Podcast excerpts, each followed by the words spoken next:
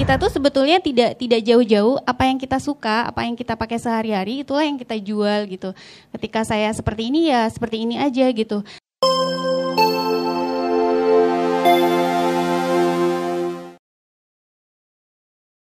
Nah ini tujuh langkah menemukan DNA dan ciri khas ini yang uh, saya peroleh dari Islamic Fashion Institute. Uh, jadi sebelumnya uh, dulu saya ketika sekolah sudah memiliki brand, tapi uh, jualan aja gitu. Saya belum ngerti style itu apa, look itu apa, terus uh, DNA itu apa gitu. Jadi ketika sudah sekolah di sana, saya juga jadi punya uh, punya pola bagaimana saya untuk menggali lagi menggali lagi gitu. Nah ini uh, jadi tahu gaya atau style itu apa. Kita cepetin aja ya. Nah ini look look itu seperti apa, look itu apa gitu. Kalau dulu tuh saya satu baju, satu baju, satu look itu nggak ngerti gitu, outfit itu nggak ngerti. Kalau sekarang udah ngerti, oh look itu dari atas sampai bawah full. Jadi satu baju tuh hanya satu helai baju ini aja gitu. Next, nah siluet macam-macam siluet ya nanti juga bisa dicari next nah ini mengenal aneka style nah ini uh, mengenal aneka style. Misalnya ada feminin ada elegan. Nah ini yang nanti akan mendasari uh, look kita tuh seperti apa produk yang akan kita jual itu seperti apa gitu. Nah ini.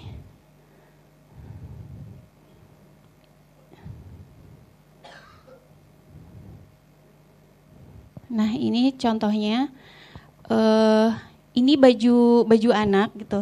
Jadi kita berpikir uh, sesuatu yang tidak terpikirkan oleh orang lain atau tidak banyak dipikirkan oleh orang lain gitu.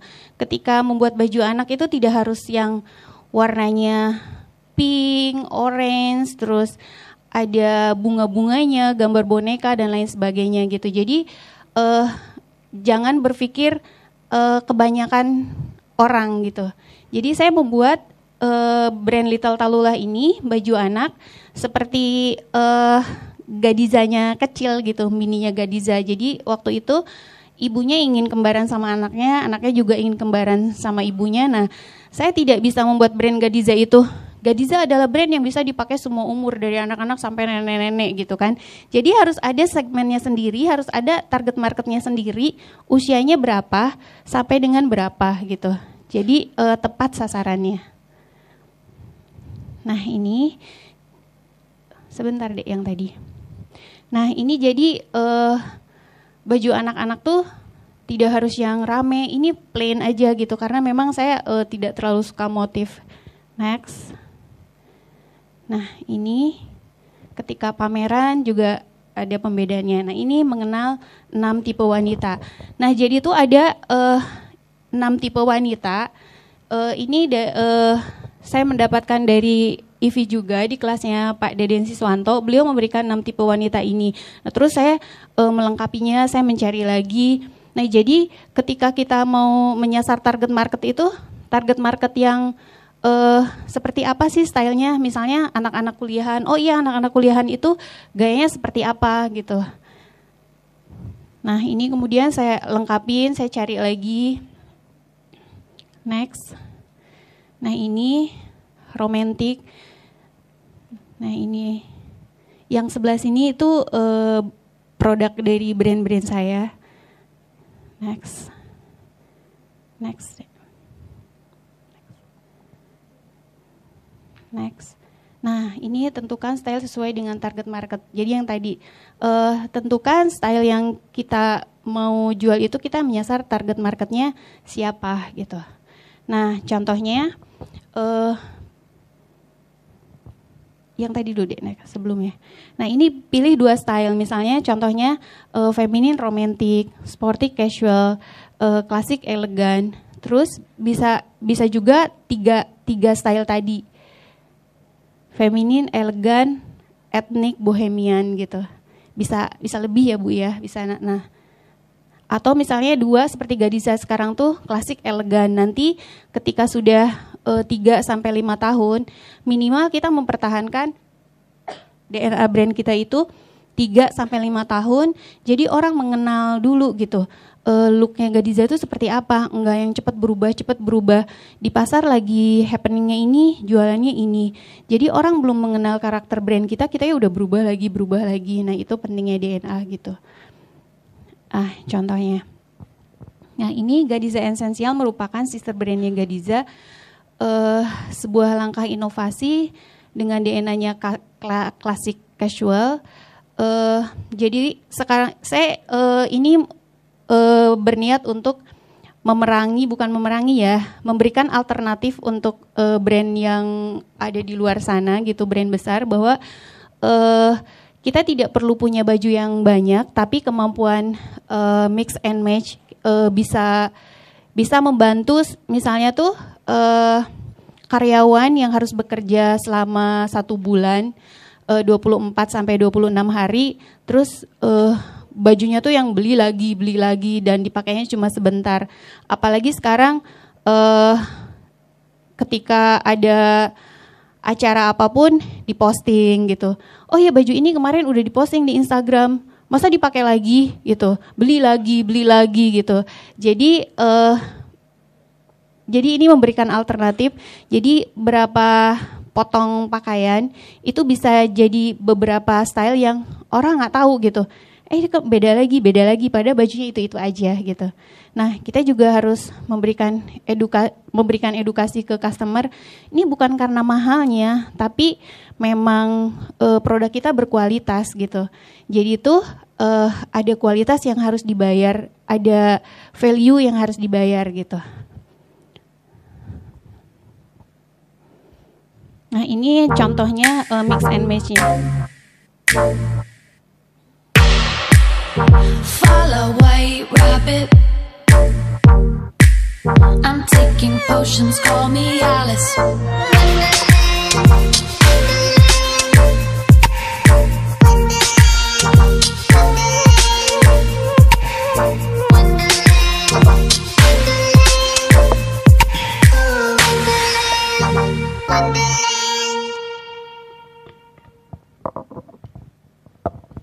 Nah itu Uh, nah, kemudian menentukan siluetnya seperti apa gitu.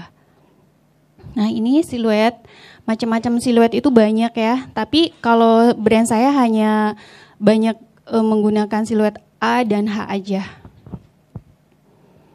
Nah, ini uh, koleksi saya yang kemarin di uh, Uh, jadi sebelum membuat koleksi itu kita melakukan riset dulu, melakukan riset, terus uh, mengumpulkan inspirasi, ide dan lain-lain. Dan ini inspirasinya uh, dari putrinya Ibu Irna. Jadi uh, segala sesuatu yang terjadi di lingkungan kita, apa pun itu, kita bisa menjadikannya inspirasi gitu. Nah ini, uh, ini mood boardnya. Nah itu inspirasinya. Jadi putrinya Ibu Irna itu menikah muda dan itu menjadi inspirasi koleksi saya gitu bahwa nggak mesti kehilangan waktu untuk bermain, nggak mesti kehilangan masa remajanya. Dan saya uh, langsung DM DM-an ngobrol sama sama uh, Reina gitu dan akhirnya menjadikan inspirasi ini. Dan uh, ketika runway ya udah modelnya juga uh, saya brief jalannya nanti nyantai aja kayak uh, happy anak remaja bebas gitu. Nah gayanya juga seperti seperti ini. Uh, jadi bajunya uh, sebelumnya dek. Nah, ini warna-warnanya tidak keluar dari Gadiza. Nah, itu ketika kita memiliki DNA brand, jadi kita kayak punya pagar gitu. Kalau makanan itu tidak uh, tidak merubah resep gitu. Resepnya udah seperti itu. Kalau uh, bapak-bapak dan ibu-ibu yang bisnis kuliner tuh udah ada resepnya ketika resepnya berubah rasanya pun berubah gitu bahkan penampilannya juga mungkin berubah yang harusnya bulat jadi karena kurang apa terlalu banyak apa jadi jadi meleot atau jadi keras dan lain sebagainya. Nah, itu brand DNA tuh seperti resepnya gitu. Nah, ini warnanya tidak keluar dari warna-warna saya. Terus uh, dibuat agak ceria, terus uh, styling kerudungnya juga. Nah, uh, bandulan-bandulannya itu tuh dari kayu, tapi itu ringan sekali gitu. Uh, coba lihat prosesnya. Nah itu jadi kayunya diwarna-warnain. Jadi memang di kantor tuh kayak gini, eh di taman bermain tuh main-main, ngecat-ngecat kayu gitu.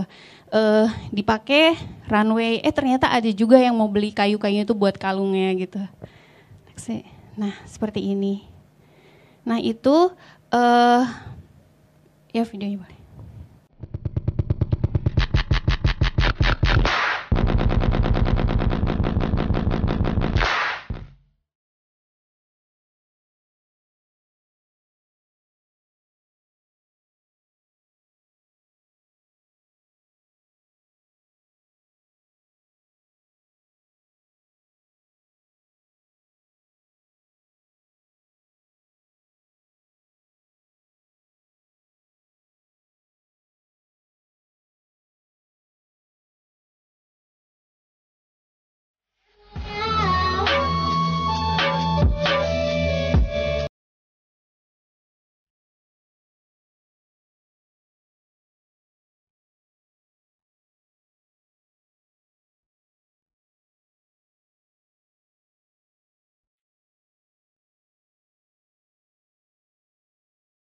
Udah mulai bisa menangkap ya uh, ciri khas DNA terus proses membuatnya gitu.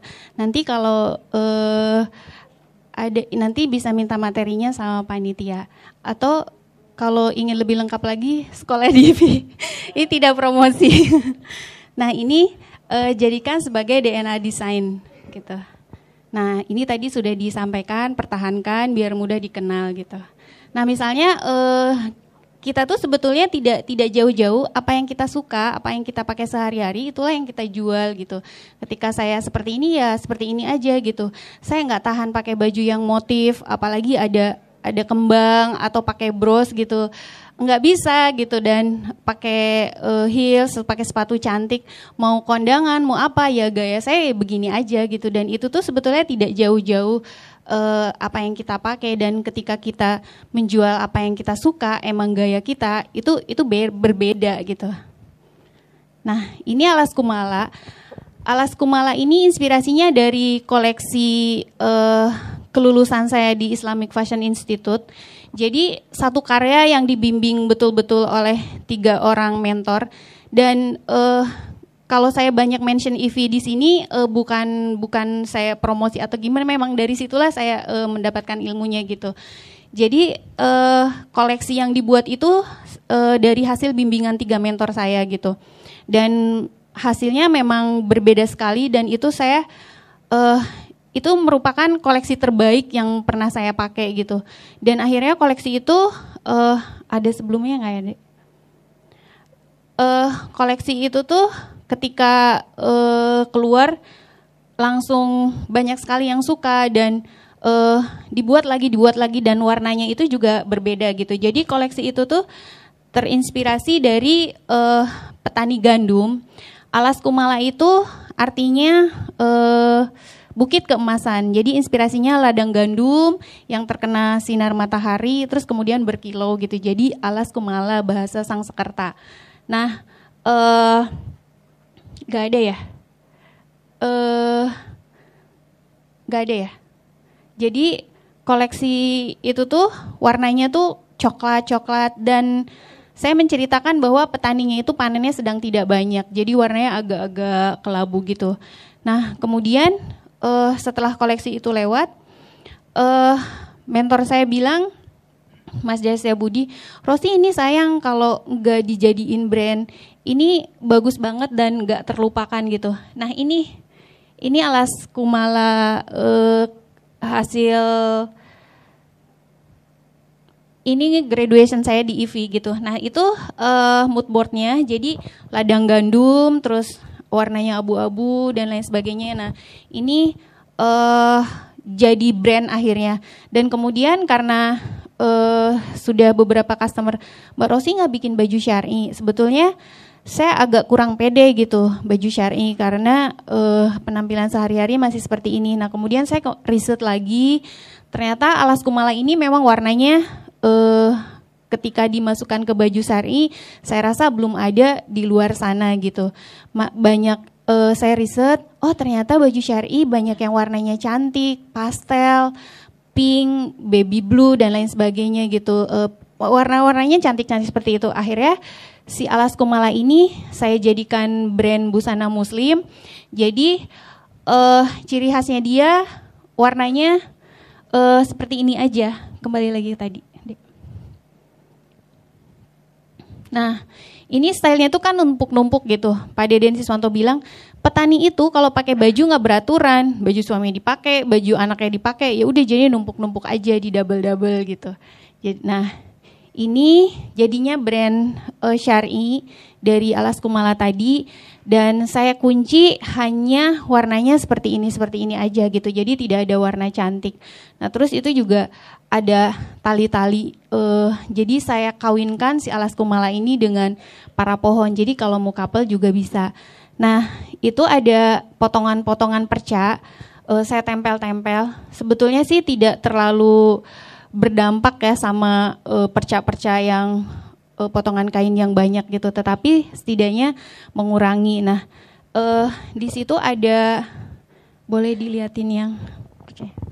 Nah di situ ada uh, logo yang saya tempel juga. Jadi alas kumala itu dari huruf A dan K yang membentuk butiran gandum gitu.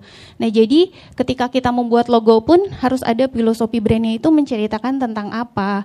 Jadi ini ada ada storytellingnya bahwa ini inspirasinya mengambil dari ladang gandum, butiran gandumnya seperti ini, warna gandum itu seperti ini, uh, ladang gandum yang terkena sinar matahari itu seperti ini gitu. Nah itu, kalau saya sih bilangnya warna-warna buluk, tapi katanya kalau udah sekolah nggak boleh bilang warna buluk lagi. nah, iya.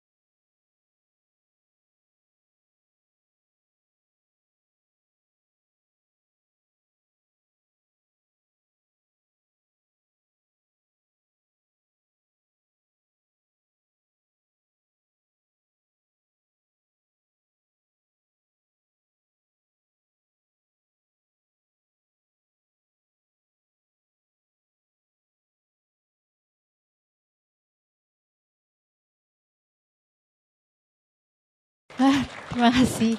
Nah, kemudian yang langkah keenam ini tentukan warna. Dikunci sebagai ciri khas tadi udah dibahas ya. Jadi dari warna juga uh, saya nggak ujuk-ujuk membuat koleksi yang warnanya ini, warnanya oh aku hari uh, koleksi ini tuh melambangkan mood saya lagi begini, mood saya lagi begini gitu. Uh, jadi membuat koleksi sesuai dengan mood gitu. Tapi memang sudah ada pakemnya, sudah ada DNA-nya. Nah, ini salah satu yang saya kunci warnanya hitam semua gitu, brand warna hitam. Brand warna hitam ini uh, inspirasinya ketika saya sama suami dan anak-anak umroh, terus uh, saya bermimpi satu hari nanti uh, ketika orang pergi haji umroh pulangnya membawa oleh-oleh warna hitam. Tapi kemudian uh, ke sininya ketika ada yang mau pergi umroh haji e, membelinya warna hitam untuk dipakai di sana. Kemudian kalau e, saudaranya, sahabatnya atau siapa aja yang mau pergi haji, umroh, mereka memberikan hadiah yang warna hitam gitu. Nah, ketika kita sudah menentukan target marketnya siapa, e, siapa yang akan kita sasar, itu lebih mudah menjualnya dan lebih mempromosikannya juga jadi lebih mudah gitu. Nah, si warna hitam ini uh, saya kunci uh, warnanya tuh cuman hitam aja. Terus uh, abaya-abaya di sana itu kan uh, seperti kemarin dibahas juga sama Mas Ali full polyester yang tidak nyaman gitu. Terus jahitannya juga uh, kurang rapi. Nah, kita memiliki kelebihannya kita di sana gitu.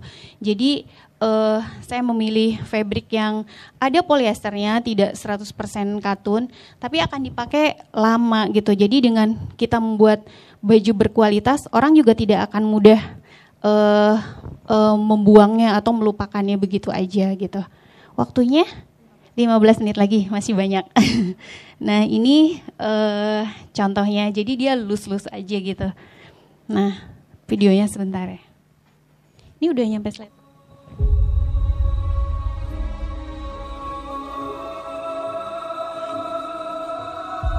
Saya banyakin video biar teman-teman nggak bosen ya.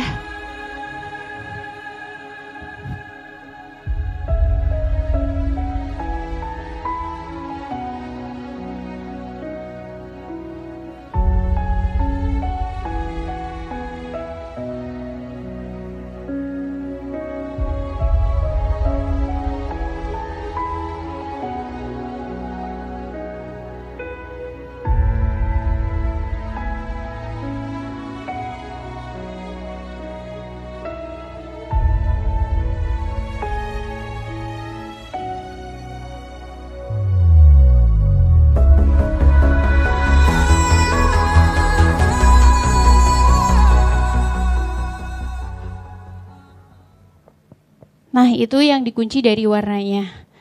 Uh, next. Nah ini ini waktu show saya di EV juga. Nah, ketika uh, saya runway pun saya uh, baju yang dipakai runway itu juga tetap bisa dipakai, tetap bisa digunakan gitu. Jadi tidak membuat yang uh, kostum, tapi uh, baju yang tetap nyaman dipakai. Kalau tambahan-tambahan itu ada makramenya, uh, itu juga tetap dibutuhkan ketika orang mau syuting atau mau acara-acara uh, khusus mereka tetap membutuhkan itunya tapi bisa dilepas bisa dipakai bisa enggak gitu next Nah ini um, menentukan materialnya dikunci sebagai ciri khas. Nah ini untuk brand yang uh, Rosi Rahmadi, dulu saya nggak nggak percaya diri uh, ketika pakai brand nama saya terus dari Ivi. Uh, Ibu Irna, Pak Densis dan Ibu Nunik ya harus harus berani pakai nama sendiri gitu. Akhirnya uh, saya pakai nama saya untuk uh, yang uh, ready to wear deluxe-nya ini kalau teman kalau teman-teman bilang mungkin ini yang premiumnya gitu. Nah jadi uh, kita membangun brand itu seperti menanam kelapa sawit gitu ya. Uh, lama panennya dari bisa sampai 25 tahun gitu.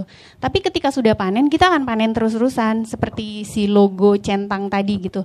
Nah, di antara si kelapa sawit itu kita bisa menanam palawija lainnya kan yang bisa dipanen tiap hari, yang bisa dipanen seminggu sekali, dua bulan sekali, empat bulan sekali, misalnya nanam uh, toge, uh, sawi, jagung dan lain-lain. Jadi si kelapa sawitnya tetap dibiarkan tumbuh, si palawija lainnya bisa kita tanam. Uh, produk mana yang bisa menjadi uh, apa produk yang untuk dapur ngebul kita, mana produk yang untuk menjaga uh, brand kita atau kalau produknya memang uh, ini kayaknya hanya hanya produknya tuh nggak keluar keluar harus dikasih makan terus harus dikasih makan terus itu disuntik mati juga nggak apa-apa. Terus kita membangun sesuatu lagi gitu. Jadi jangan berbisnis itu jangan uh, menjadikan si bisnis itu justru jadi beban kita gitu. Seperti itu. Nah ini uh, D yang tadi. Nah ini uh, fabriknya itu saya selalu memilih yang bertekstur gitu. Jadi dia berbeda dari brand-brand lainnya. Nah uh, kebanyakan yang mencari ke outlet saya uh, ke Margonda itu baru sih aku mau cari baju pesta atau uh, mereka diundang untuk ketemu dubes atau apa mereka pilihannya uh, ini dan kalau mereka ada yang mau menikah juga ingin memakai baju wedding yang sederhana, tidak menggunakan banyak aplikasi, tapi hanya material itu sendiri, uh, mereka datang ke tempat kami gitu. Jadi ketika kita sudah memiliki DNA, sudah memiliki ciri khas, orang yang akan mencari. Jadi kita enggak enggak capek yang uh, ngasih tahu, eh kita punya ini, kita punya ini. Tapi ketika terus kita konsisten, share yang seperti itu lagi, share itu itu karakter kita, jati diri kita. Orang akan datang sendiri mencari gitu. Uh, misalnya pengantin yang ingin kerudungnya menutup dada, tapi tidak pakai uh, batu-batu Swarovski payet dan lainnya datangnya ke saya. Yang suka payet Swarovski dan lainnya datangnya ke Ibu Irna Laverle gitu. Jadi seperti itu. Sesuai dengan kebutuhan mereka mereka akan mencari sendiri gitu. Jadi nggak PR kita yang uh, ini ini jualan ke siapa, ini jualan ke siapa, tapi sudah ada target marketnya gitu. Next. Nah ini video lagi ya.